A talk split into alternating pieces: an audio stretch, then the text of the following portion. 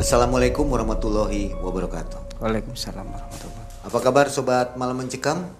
Mang Ei dan tim malam hari ini akan mengantarkan kisah lagi, kisah nyata dari seseorang. Nah, malam hari ini ada seorang bapak-bapak nih ya, kalau kita bisa sebut bapak-bapak atau pemuda udah lewat nih.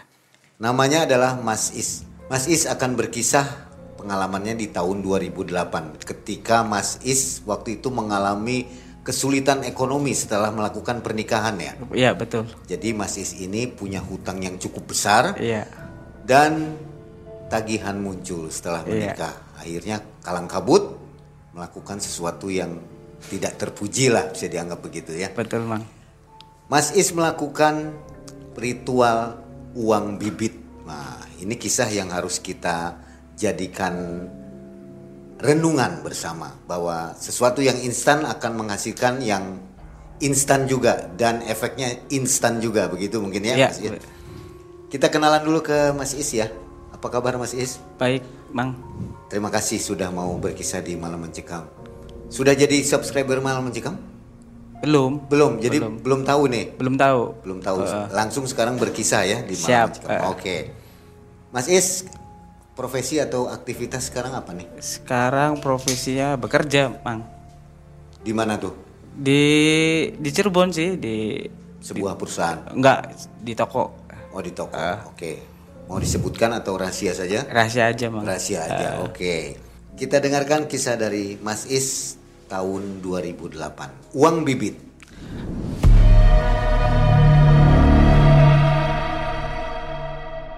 Kejadian ini pada waktu tahun 2008 mang. Waktu itu saya bekerja di salah satu perusahaan swasta distributor, perusahaan swasta terbesar bergerak di bidang distributor. Saya bekerja di bagian delivery. Nah, karena saya kan suka ditempatin ke mana aja sewilayah tiga Cirebon. Akhirnya saya menemukan adanya namanya uang bibit, mang. Saya baru tahu gitu. Nah, di situ terjun ke dalam melakukan ritual uang bibit itu karena keadaan ekonomi, mang. Tahu dari siapa itu? Tahu dari partner kerja saya. Kenapa? Karena waktu itu saya terlilit masalah hutang.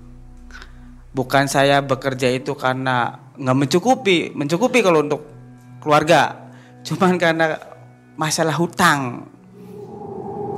Tadinya awalnya saya minta tolong ke teman partner kerja saya ada channel orang yang bisa dipinjemin uang enggak anda tahu, Anda kan tahu sendiri pimpinan telepon saya terus karena waktu itu saya minjem uang atas pakai rekom- rekomendasi kantor mang. Jadi berapa bulan itu saya nggak bisa bayar Enggak. nunggak. Nama teman saya tuh JJ. Akhirnya kata si JJ tuh coba aja uang bibit. Saya kaget. Uang bibit. Pikir saya si JJ ini gu- gurau. Cuman sempat tolonglah J. Anda kan tahu sendiri saya tegur terus sama pimpinan karena saya minjem uang tuh mang di salah satu bank lah atas rekomendasi itu. Berapa nilainya? Nilainya hampir 24 juta. Utang itu bukan di bank aja, Mang. Di teman juga. Kalau di bank sih mungkin obrolan-obrolan kita hadapi bisa ya, Mang. nggak? Cuman kalau di, kalau di teman kan perjanjian ya harus bayar, Mang. nggak? Apalagi teman itu sudah dekat dengan saya. Saya kan nggak enak tuh, Mang sempat hari begitu hari saya tuh berpikir ya karena desakan terus dari pimpinan. Negur ke saya terus temen nagih terus. Saya tuh pusing bang akhirnya curhat saya tuh sama temen partner kerja saya. Nah partner kerja saya tuh kan, kan orang orang daerah Kabupaten Cirebon tuh mang. Nah ya sudah coba aja aja uang bibit. Saya kaget bang uang bibit. Saya pikir guyon cuman pikir saya coba ah. Saya tanya nanti saya akan tanyakan lagi keseriusannya masalah tentang uang bibit itu. Saya tuh berpikir melakukan keseriusan untuk menanyakan ke temen tuh tiga hari mang. Karena memang saya usaha minjem ke sini nggak bisa minjem ke sini nggak bisa. Dan toh nanti akhirnya nambah beban juga yang dikhawatirkannya.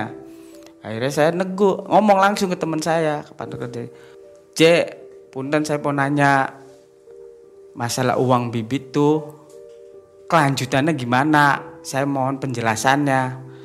Istilahnya ada ritual-ritual apa yang sulit? Enggak oh enggak mudah itu sih J. Serius ini saya ngomong ke anda J kalau ente mau memang serius ya saya juga serius. Dan akhirnya JJ ngomong oke okay, gini aja. Minggu depan malam Jumat Kliwon dijadikan. Maksudnya dijadikan ya oke okay, dilanjutkan. Oh ya udah pikir saya tuh. Kan kalau biasanya tuh mang saya kan kalau pulang kerja tuh malam tuh mang. Jam 9 jam 10 saya janjian sama si JJ nanti malam Jumat jangan langsung pulang dulu ke rumah main ke rumah saya aja dulu. Sambil ngobrol-ngobrol. Pikir saya tuh ngobrol-ngobrol tuh ngobrol-ngobrol ya istilahnya sekedar mau mau tahu dulu masalah tentang uang bibit itu.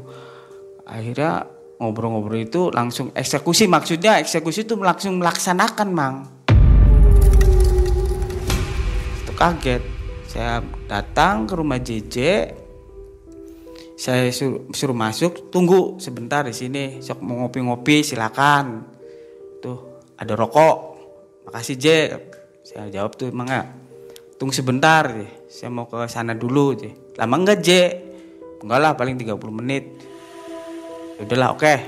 pikir saya karena saya sedang berusaha nih mang dan mau tahu gitu kelanjutan dari masalah tentang uang bibit itu. Setelah setengah jam saya nunggu si JJ datang ikut ke rumah bapak FD J di mana? Enggak J dekat serius ya udah saya ikutin. Jalan kaki tuh mang. Saya kaget. Loh saya mak ke rumah ke rumah JJ aja jalan setapak ya. Jalan maksud jalan setapak tuh pas ukuran mobil kecil lah. Oke saya ikutin si JJ itu bareng akhirnya saya kaget kok ini arah ke rumah ke rumah temennya dia rumah Pak FD ini cuman kok arahnya ke toang-toang nggak ada rumah penduduk lain gitu tuh yang saya laluin tuh. Kiri kanan tuh macem-macem. Ada separoh kayak hutan bambu ada kuburan tua. Kuburan tua tuh mang yang dari batu-batu gitu tuh ini mau ke mana? kata saya. Tuh ya dalam hati. Sampai sempat saya juga naik ke J masih jauh enggak enggak itu bentar lagi.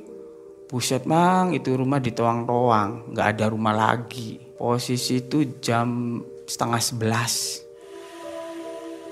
Ya sudah saya ikutin. Mau tahu dulu arahnya dan e, pelaksanaannya gimana. Kalau saya kan orangnya penasaran tuh mang.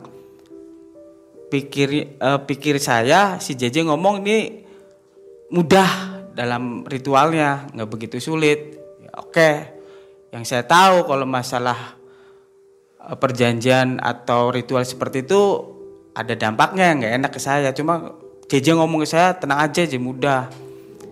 Saya ikutin bang sampai datang si rumah bapak FD ketok-ketok pintu keluar nih bapak FD oh iya masuk saya ngeliat sekitar sekitar rumah ya kanan kiri. Kok ini rumah nggak pakai lampu? Pakainya cempor.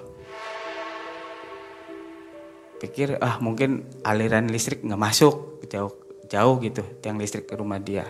Cuman masalah itu saya nggak tak pikirkan ya. Suruh masuk saya dikasih air putih.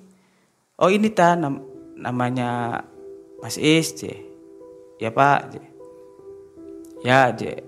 Jadi sudah cerita semua sama saya. Sudah siap belum? Mudah-mudahan siap kata saya. Saya jawab mudah-mudahan siap. Oke. Kalau JJ sendiri sudah pernah melakukan ini? JJ saya saya pikir kayak sih sudah mang. Karena posisi dia itu supir. Kok dia supir kerja berapa baru berapa berapa tahun? Tergolong lima lima tahun ya kok rumah besar punya kendaraan gitu. Punya mobil ya. Punya motor dua. Dia tuh kerja kerja satu satu pekerjaan aja tidak ada kegiatan lain yang saya tahu gitu. Dan itu saya tahu juga dia cerita saya sih kerja pulang kerja di rumah apa udah begitu. Dan nggak mungkin dia dapat bisa bangun rumah bagus punya mobil satu motor dua ada dia punya sawah Itu baru kecurigaan aja tapi. baru kecurigaan awal gitu tuh mang. Karena JJ-nya nggak cerita kan. iya. Oke saya tuh ditanya sama bapak FD kesiapannya? Ya saya siap. Oke kalau siap persyaratannya udah disiapin belum? Saya kan kaget mang. Karena diajak tiba-tiba sama si JJ si JJ langsung spontan. Siap pak ya kalau bahasa kita ngomong pak ya kalau dia ngomongnya mbah gitu. Siap mbah? Mbah. Saya wah ini gurunya pikir saya tuh. Ada semua J ada J. Mungkin untuk meringkas kegiatan ya maka mungkin pikir saya. Jadi persiapan untuk ritual itu udah disiapin dulu sama si JJ itu. Mas Is nggak mengeluarkan apa-apa biaya apa-apa. Nggak mengeluarkan biaya apa-apa. Mungkin karena si JJ itu mau nolong saya gitu. Karena ya saya kan sama partner kerja kan tidak pernah istilahnya nggak pernah pelit tuh nggak pernah pelit tuh mang. Selalu kalau dia perlu apa saya kasih gitu. Kalau dia perlu bantu apa saya bantu. Akhirnya JJ juga seperti itu. Ya mungkin salah satu ritual uang bibit tuh dia bantu saya juga mungkin. Saya keluar setelah ada obrolan saya keluar sama bareng bapak FD itu. J mau ke mana? katanya tinggal ikutin aja. Aduh ini kayak kayaknya arah menuju jalan aja tambah serem lagi mang. Aduh sampai merinding. Naik kayak semacam bukit kecil tuh mang. Cuman loh kok ini ada kuburan Cina Eh, eh, cuman kata saya tuh kan dari dari yang saya tahu daerah itu kan daerah rawan tuh mang, daerah begal. Aman enggak? Tenang, isu-isu koordinasi. Urusan nanti belakangan. Yang penting acara kamu lancar dulu, Je. Jadi sudah dira- di- dipersiapkan sama teman saya tuh yang namanya JJ tuh mang, jalan kaki. Udah dipersiapkan semua, ya naik motor juga kayaknya susah. Karena jalan tuh kerikil semua batu. Ikutin tuh perjalanan tuh hampir 20 menit karena mungkin agak naik kayak semacam bukit. Saya kaget. Masih jauh enggak? Bentar lagi nggak lama aja. Naik. Kok ini kuburan semua? Ini mau ke mana? Akhirnya di atas tuh ada kuburan yang sangat tua mang. Kuburan Cina tapi bentuknya tuh kayak kalau kuburan Cina tua kan melingkar mis- nisannya tuh besar tuh mang. Si Pak FD ini duduk sini maksudnya duduk di depannya makam kuburan Cina itu. Tulisannya sih nggak nggak nggak kelihatan mang karena malam. Nggak ada cahaya cahaya satupun. Si bapak FD ngomong ke JJ tolong keluarin persyaratannya untuk ritual sempat saya ngeliat ngeluarkan kayak kain bukan kain tuh mang. Kayak bahannya kerah baju agak keras gitu. Si bapak FD ini nulis ada dua kain yang ukurannya itu kurang lebih 15 cm kali 15 lah. 15 kali 2 cm dua buah dua biji. Bapak nulis dia nulis kayak nulis tulisan Arab ke Arab gundul. Yang saya tahu ada ini kayak tulisan kayak tulisan raja. Cuma saya ikutin aja dulu saya lihat. Mas ya pak. Nanti buat stempel ya.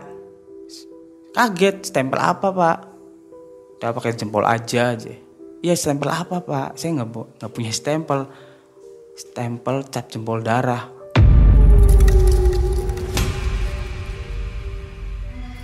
siap. Saya udah bertekad deh daripada saya pusing emang nggak dikejar-kejar utang. Siap. Nah tertulis ada celah kayak semacam bintang David kayak semacam bendera Israel tuh. Dua saya cap darah di tengah-tengahnya pakai jempol dua lembar dua lembar kertas itu sambil di anu minyak japaron. Dia nggak tahu komat kamit apa di depannya tuh dikasih dupa. Dupanya tuh seperti baunya seperti gaharu bu, tapi bukan dupa seperti orang Cina bukan. Seperti gaharu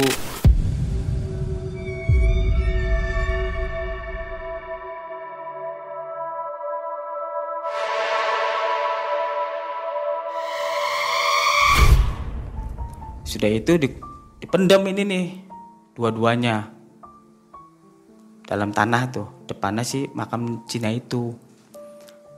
Nih baca. Saya tinggal saya tinggal ya Mas Is. Aduh pak jangan tinggal dong. Gimana? Itu tinggal baca saya tinggal. Si Jeje ngasih tahu nggak jauh. Saya ngawasin dari jauh baca mantra tapi mantranya itu kayak tulisan Jawa Jawa kuno iya mang. Enggak tulisan Jawa kuno. Sangskerta kan kalau itu kan enggak bukan bahasa bahasa bukan tulisan Indonesia ya. Ini sih bahasa bahasa Jawa tuh ada ingsun apa gitu tuh. Situ bisa baca. Setelah baca mata kedip tuh kayak saya di, di alam apa gitu. Setelah baca itu tiga kali saya ada di alam apa saya kaget. Ya Allah di mana ini saya? C, C, nggak ada. Kayak hamparan gelap semua.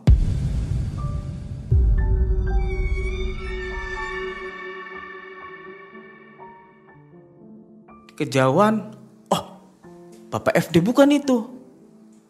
Dan dia nunjuk orangnya jauh tapi suaranya keras, Mang. Ambil uang itu. saya kan jelaskan nunduk akhirnya ke bawah kok uangnya keluar? Saya kaget. Loh. Saya telah ngambil uang lihat bapak sudah nggak bapak bapak bapak semacam seperti hampir ke kakek kakek ya hilang. Nah setelah setelah saya ambil herannya tuh hanya sekejapan mata mang.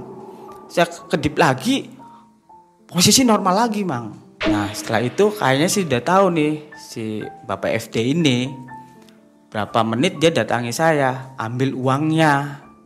Iya pak, sudah saya ambil. Ya sudah. Cuman tolong nanti kalau datang ke rumah masih inget enggak waktu naro ari-ari. Apalagi dalam hati saya tuh, apalagi nih persyaratannya. Nanti tulisan ini rajal ini taruh di ari-ari Mas Is yang dulu di kubur kubur tempat kubur ari-arinya saya waktu bayi itu mang. Seingat saya cerita ibu saya almarhum saya ditanamnya ari-ari di sekitar pekarangan belakang rumah. Nanti datang rumah jangan sampai istri saya tahu gitu saya melakukan seperti ini. Sudah itu kata bapak FD yuk balik ke rumah saya. Itu ngasih itu ngasih perjanjian lagi kayak semacam tulisan raja gitu tuh mang. Di kertas putih lagi kasih japaron. Nanti taruh di tempat hari-hari saya terima itu kertasnya. Dan itu saya pamit. Saya pamit juga ke JJ saya pulang ya makasih. Jangan lupa langsung pulang ditanam kata si JJ tuh. Siap ngeluarin mahar waktu itu tuh mang. Ngeluarin mahar jadi saya gini mang saya harus menyiapkan uang pilihan antara 100 ribu atau 50 ribu. Oke, saya 50 ribu 50 ribu aja dulu. Saya pikir saya pikir saya coba-coba ah mau tahu gitu. Untungnya waktu itu saya kan baru gajian tuh mang ada 50-an dua ya sudah kasih 50-an dua yang yang uang ditanam itu sama tulisan raja tuh mang untuk persyaratan waktu baca mantra tuh ambil uangnya saya pulang saya tanam tulisan raja di dalam rumah saya ngeliat ah istri udah pada tidur nih cuman yang saya bingung tuh dupanya ini harus dinyalakan Aduh, saya nggak nggak berani cerita ke istri tuh. Setelah tanam saya nyalain dupa, mandi saya tinggal tidur. Nyata pagi-pagi istri nanya mau berangkat kerja tuh jam setengah enaman. Kok ada dupa sih mas? Buat apa? Buat wewangian, bau bau hawa tikus. Alasannya iya, alasan ngomong ke bini. Udah, saya bawa uang tuh uang yang dari malam tuh saya kantongin di kata temen tinggal dipilih aja mau kata si JJ tuh tinggal dipilih aja mau ditaruh di tas atau di dompet si uang itu. Saya taruh dompet aja lah lebih aman. Takutnya kalau di tas itu kadang saya sering nagih tuh mang. Sering nagih eh, tagihan toko gitu takut kecampur uangnya. Saya simpan di dompet. Nah di situ sebelum saya melakukan saya pagi itu tuh di tengah perjalanan saya tandain dulu tuh uang itu uang kan 50 ribuan tuh mang. Di atas angka limanya tuh saya kasih bundur-bundur hitam. Kasih tanda saya li- pakai pulpen. Saya lipet gitu saya masukin dompet. Dan dompet kan ada kat-katan terakhir tuh celah-celah terakhir celah-celah kedua. Saya taruh di celah-celah yang ada resletingnya di situ. Supaya nggak kececer atau kecampur dengan uang pribadi saya. Maksudnya uang bukan uang itu setelah tempat kerja si JJ ingin nanya ke saya sudah belum? Sudah. Cuman J yang saya jadi pikiran tuh bini istri saya tuh nanyain dupa buat apa? Saya belum cerita J. Udah aja gampang itu sih J. Kalau namanya nanti ketemu uang juga ceritanya lain J. Pas awal saya mau ngerjain uang bibit itu mang jam sekitar jam 10-an setelah saya keluar kantor di lapangan saya mau ngerokok. Saya beli aduh saya tuh belum ngerokok dari pagi. Saya beli rokok di warung mang. Saya beli rokok pakai uang itu. Rokok sebungkus. Kembaliannya saya taruh di kantong sebelah sebelah kanan paling depan.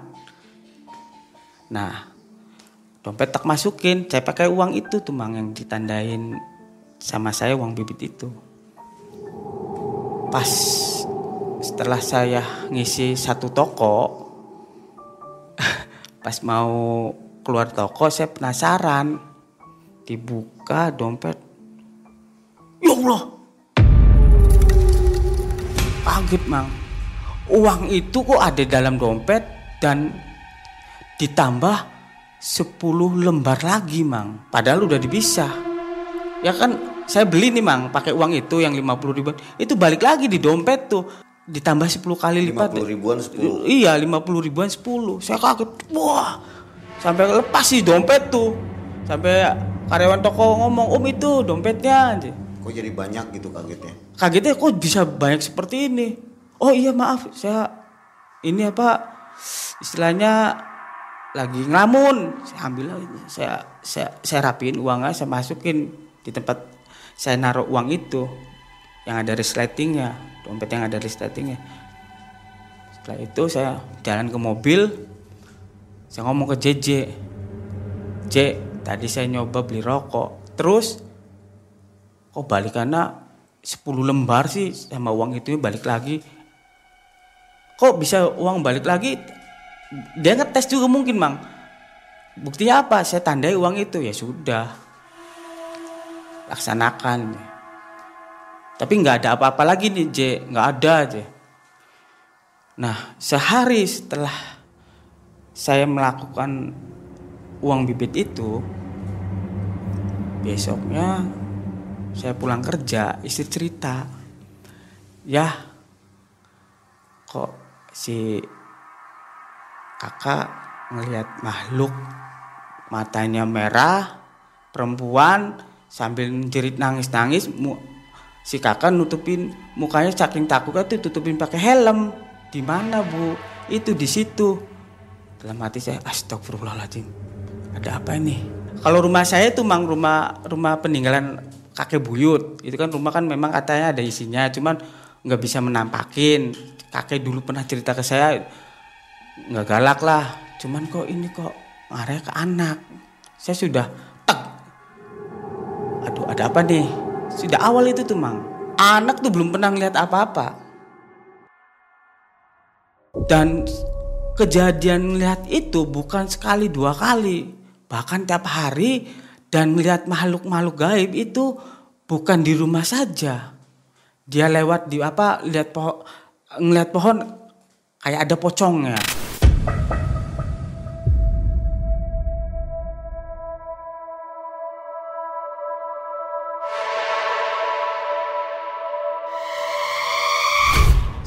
kaget. Aduh setelah dia ngeliat seperti itu tuh sakit mang. Saya tuh berjalan operasi tuh itu berjalan uangnya itu sekali pemakaian. Gimana maksudnya? sekali pemakaian saya saya gunakan sekali dapat ketemu apa dua minggu kemudian saya melakukan lagi gitu. Kenapa nggak sering? pikir saya kan setiap saya melakukan anak langsung sakit mang. Dan ketemu makhluk gaib seperti itu tadinya saya nggak percaya mang. Saya akhirnya saya coba lagi pakai. Anak ketemu makhluk seperti itu sakit langsung. Saya langsung berpikir ambil pikiran langsung berpikirnya gini mang nggak? ah ini pengaruh sama itu. Coba efeknya saya saya berpikir ini efeknya seperti ini nih. Coba saya gunakan itu dua minggu sekali. Iya.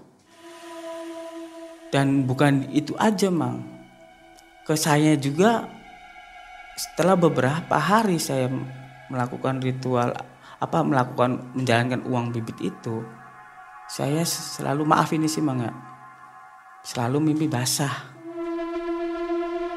dan mimpi basahnya itu ketemu sama maaf ya cewek-cewek yang saya sukai pikir saya sekali sih wajar ya mungkin karena manusiawi normal lah mang ya. ini kok setiap hari mang. Contohnya mantan-mantan saya. Mereka-mereka itu yang di mimpi saya tuh mang. Dan dampaknya itu kalau setelah saya mimpi basah ya kata bahasa dewasa sih setelah kayak orang berhubungan badan saya tuh badan cak- sakit semua mang. Badan sakit emosional agak naik. Sama istri tuh bawahannya marah aja sebenarnya sebelum saya melakukan itu tuh saya tidak tidak pernah mimpi seperti itu. Ya kan kita kan punya saya kan punya istri mang. Kalau mimpi kayak gitu kan ya sekali lah Ah, nama- namanya saya hidup di lapangan ya banyak ngeliat perempuan ya mungkin kan sekali mang. Ini tiap hari mang. Itu yang jadi bebannya saya itu mang. Ya Allah. Itu utang udah lunas belum? belum masih proses istilahnya masih eh, mendekati setengah udah setengah Udah pembayaran. mulai dicicil. udah mulai cicil utang lu mang istri juga sempat nanya mas saya pernah lihat uang di dompet tuh uang apa aja? Istri bisa nanya seperti itu karena ATM gaji saya itu dipegang dia mang. ATM bonus kerja saya dipegang dia. Oh ini saya pertama kali pertama waktu itu saya alasannya bohong. Jangan ini uang setoran toko saya pikir seperti itu Mas kan bukan sales, Mas kan delivery. Deh. Mungkin kalau sekali dua kali istri percaya, ini berkali-kali. Akhirnya saya masih tetap nggak terbuka. Jangan ini uang cuan. deh. Maksud uang cuan siapa? Uang cuan jadi retur Uang hoki. Eh, enggak uang uang retur retur barang retur barang saya kurangin terus dibayar dengan toko lain gitu Eh, bermain bermain retur. Tapi saya ngomong ke istri jangan buat makan. Ini saya buat bayar utang. Saya masih tetap nggak terbuka sama istri tuh mang. Mas cuman istri nanya kok kenapa sih Je? ya pertama dia nanyakan anak sering ketemu begituan. Terus yang kedua ya namanya normal emang ya. Dua bulan saya kan nggak berhubungan dengan istri. Mas biasanya tuh suka sekarang sih nggak pernah sih mas. Ya wajar bu karena kan saya kerja di lapangan kadang ngangkat barang berat capek. Alhamdulillah istri memaklumi gitu. Cuman kan kalau sampai berbulan-bulan kan istri juga akan penasaran gitu. Saya tetap kasih capek bu lagi capek. Sampai akhirnya saya tuh biasa nggak nyentak istri itu nyentak. Pertama goblok sampai terakhir istri kaget sampai keluar kata kotor. "Ah, bisa diem enggak sana kamu nyingkir dari sinilah jangan di depan saya istri tuh sebet eh, penasaran dengan dengan dengan tingkah laku saya tuh. Dan di di alam bawah sadar saya di hati kecil saya kok kenapa bisa seperti ini sama istri? Saya sempat berpikir ini pengaruh ini juga. Dan di sholat juga saya jauh mang. Di sholat jauh. Ibadah jauh ya. ibadah jauh. I- istri juga kaget gitu. Biasanya saya di ibadah rajin biar istilahnya capek-capeknya saya diutamakan sholat dulu.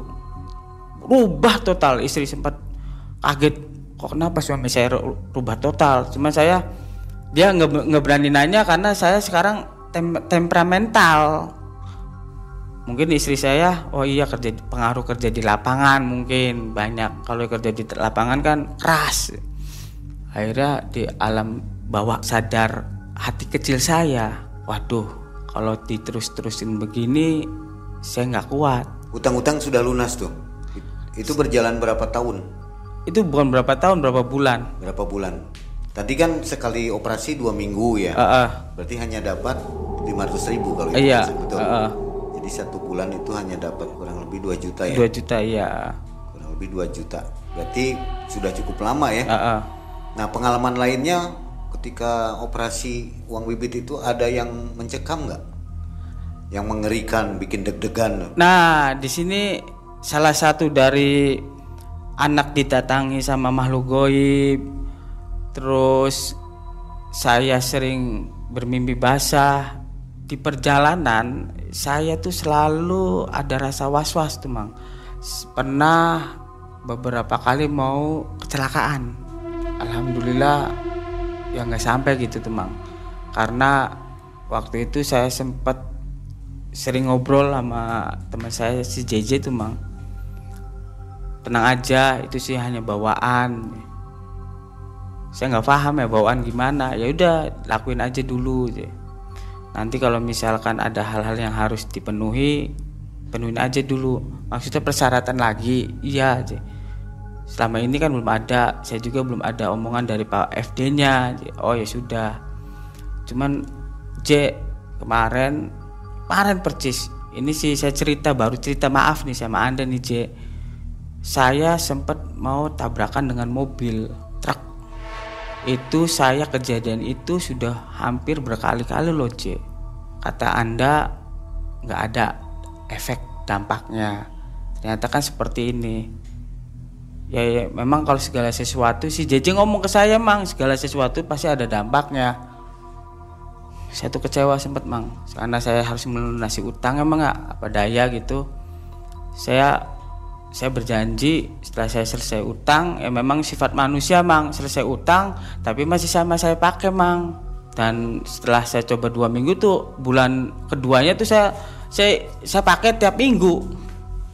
Pakai tiap minggu Tambah sering ya. tambah sering kok suami saya bisa beli mobil ya apa pikir saya ada Itu serba-serbi cara mendapatkannya gimana waktu transaksi? Belinya gimana? Bisa diceritain? Jadi saya itu melakukan nggak satu te- satu tempat, Mang.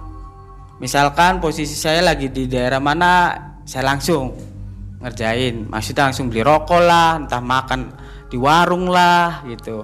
Nanti di pasar mana atau di daerah mana pas pada waktu saya ngisi toko saya saat bekerja saya beli rokok gitu. Kadang saya nyari-nyari toko-toko yang rame, Mang. Ah, Kenapa toko rame? Toko rame kan nggak keciri. Karena oh, si punya toko ini nggak fokus mungkin. Jadi uang 50.000 ribu kembali plus 10 lembar Heeh. plus kembalian juga ya. Plus kembalian saya bisa di kantong depan kalau uang 50-an itu kan yang 50-an uang bibit itu kan di dompet. Jadi uang hasilnya tuh di tempat itu semua, Mang. Kecuali kembaliannya. Kecuali kembalian. Kalau uangnya kembali, apakah uang yang tadi dikasihkan ke toko hilang? Uang tokonya Ya, kurang tahu tuh. nggak tahu ya. nggak tahu ya kalau saya mungkin kalau saya nanya mang kan si toko curiga nantinya mang. Ya kemungkinan uang toko mungkin. Kembali lagi ya, ya. eh, uang toko itu ditarik sama saya. Makanya pilih tempat rame. Ah, makanya saya milih tempat-tempat yang rame mang. Terutama maaf bukan tokoh-tokoh pribumi. Akhirnya si JJ itu dia ngomong. Ngomong yang bikin saya emosi. Ya, ya segala sesuatu tuh ada dampaknya. Anda berarti sudah menjebak saya saya sempat ribut debat sama JJ waktu itu. Kamu ya kan kamu yang minta tolong sama saya saya sudah tol nolong. Saya saya nggak jawab lagi daripada saya ribut akhirnya bertengkar sama temen. Ya sudahlah hal yang sudah saya lakukan saya terima gitu akibatnya. Cuman di sini perasaan saya tuh mang nggak enak sekali mang. Sudah berjalan berapa bulan tuh utang alhamdulillah sudah ketutup mang perabot sudah terbeli ya? perabot sudah Mobil. terbeli. Iya. Cicilan rumah sebentar lagi gitu. Itu juga fantastis ya mang ya.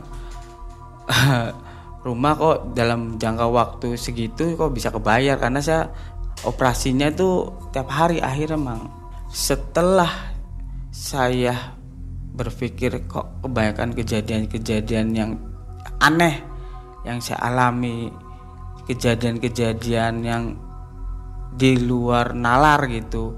Terus perubahan pada pada diri saya. Alhamdulillah itu mang saya punya ada punya kesadaran di hati tuh mak maksudnya hati kecil saya tuh masih negur gitu. Sampai saya terus terang akhirnya saya ngomong ke JJ saya mau putus perjanjian. Ya sudah tinggal kalau putus putus perjanjian nanti saya ngomong dulu sama Pak FD. Tolong nih J jangan sampai lama J. Anda kan tahu sendiri kejadian-kejadian yang saya alami jangan sampai berdampak buruk untuk saya dan anak saya. Besoknya FD negur ke saya pak, apa mang? Tuh kata Pak FD siapin ayam cemani cari di mana ya? Terus apa lagi? Sudah ente cari aja dulu ayam cemani dua tapi sepasang. Kalau mau cepet berarti putus perjanjian cepat kalau lama ya risiko ente sih. Wah dalam hati saya tuh NFT tambah nggak bener nih. Akhirnya saya cari-cari informasi tentang ayam cemani tuh mang. Saya cari ayam cemani aja tuh hampir dua minggu mang. Sepasang lagi.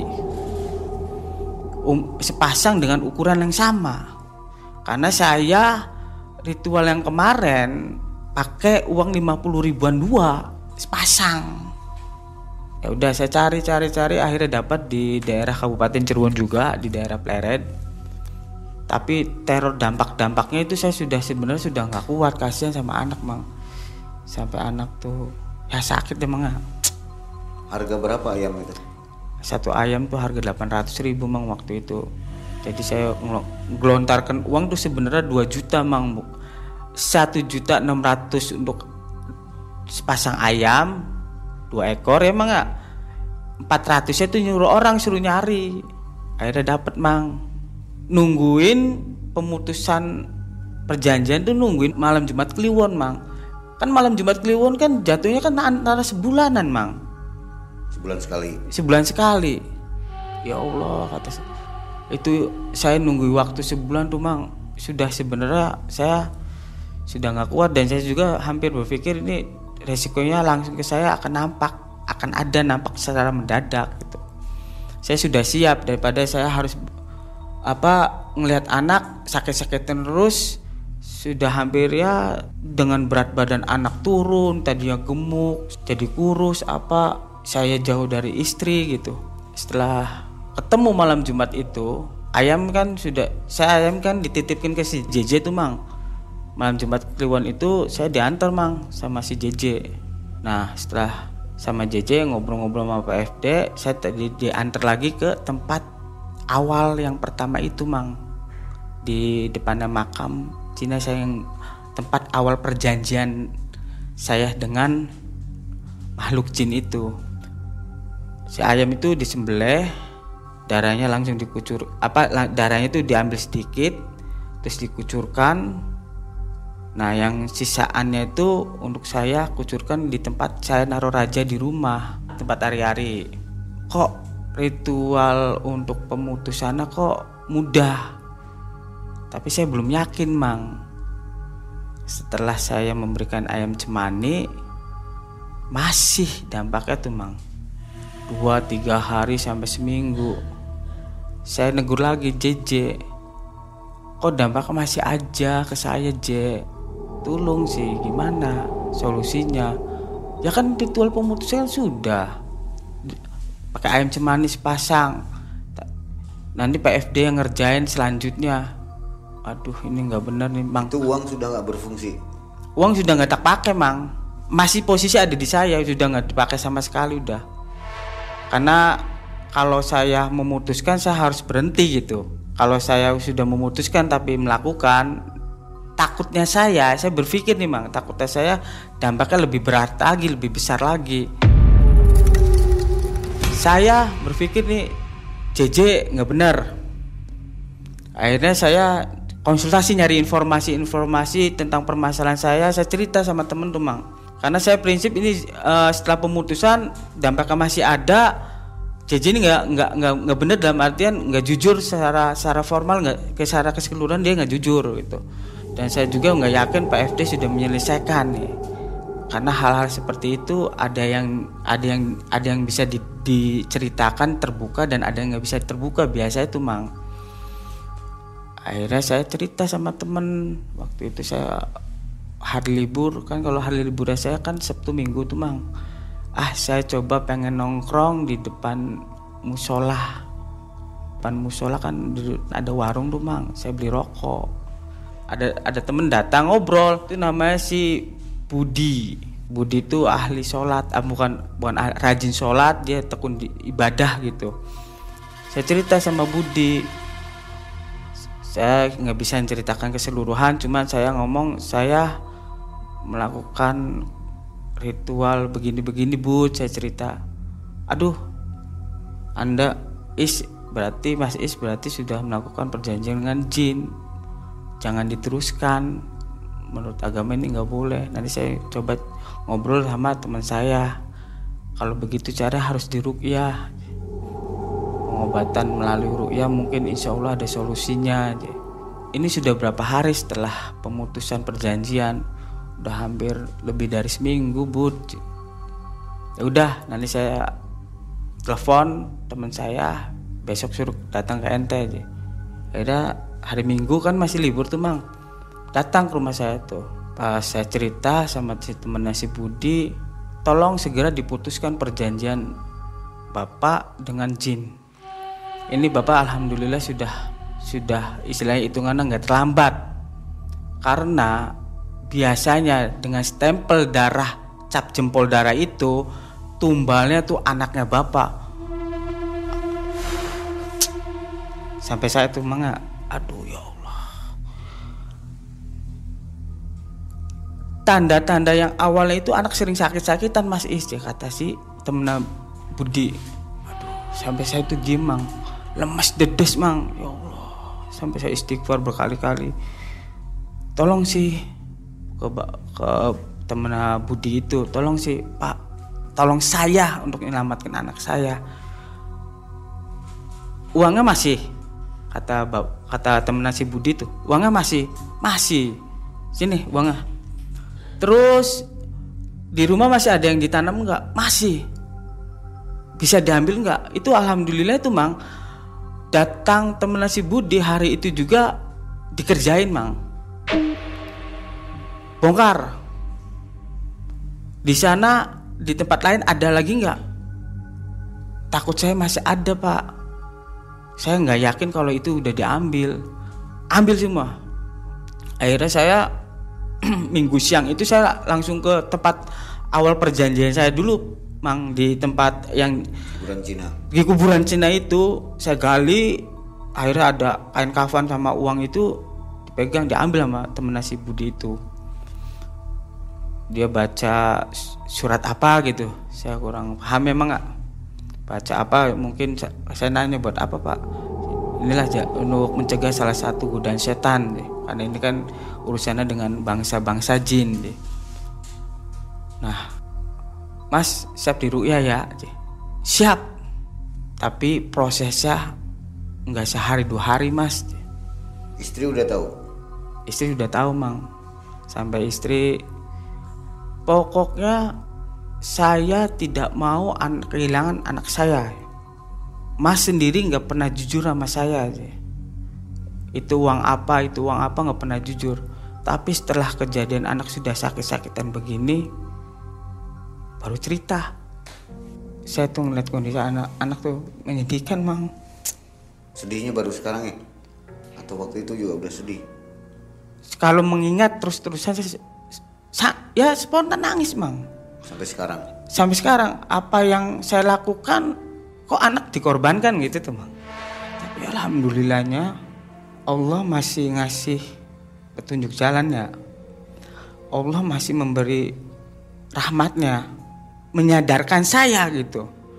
Segera diselesai, harus diselesaikan dipertemukan sama orang-orang yang ya diberi jalan lah mang lah sama Allah diberi jalan itu saya hampir sebulan mang di Uruya mang. Kalau di Uruya oh, setiap jadi, hari itu? enggak juga cuma kadang kalau dianya sempat saya di ya lagi. Karena jin perempuan yang nempel di badan saya itu mang. Itu bukan satu dua jin mang. Hampir 20 jin perempuan. Ini maaf sempat temen Budi nanya ke saya mang. Ini Mas, biasanya kalau jin perempuan ini banyak di dalam tubuh manusia ini biasanya tuh berhubungan badan loh. Iya. Akhirnya setelah saya ngambil di depan kuburan Cina itu diambil, di apa dikumpulin semua, datang di rumah tuh mang, dikumpulin semua sama teman saya tuh mang. Dibakar itu uang sama rajanya sama apa dua-dua dibakar semua. Dia baca tuh kalau nggak salah a'udzu bikalimatillahi tamma min syarri ma khalaq. Terus dia baca surat al-baqarah lillahi ma fis samawati wa ma saya masih ingat lillahi ma fis samawati wa ma fil terus dia baca apa baca surat apa lagi saya kurang paham tuh mana. Akhirnya dibakar tos Pup. saya tuh kayak panasan langsung spontan setelah itu raja sama uang dibakar. Ada interaksi la lagi mang sama saya. Wah. Langsung si teman si Budi itu ngurukyah saya langsung di saya dibawa ke musola di rukyah. Itu rukyah ke berapa itu awal dari rukyah mang.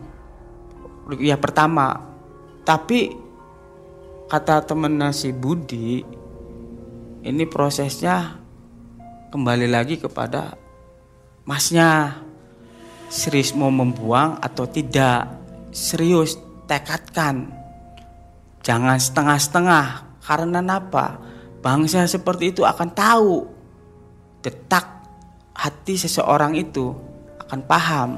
Kalau dia nggak serius dia akan balik lagi. Saya serius akhirnya. Diambilin satu-satu. Saya di ruya selama sebulan. Setelah di ruya alhamdulillah anak nggak sakit mang. Terus badan terasa enteng nggak sering mimpi basah. Terus bawaannya tenang sama istri kalem. Harmonis lagi. Harmonis lagi.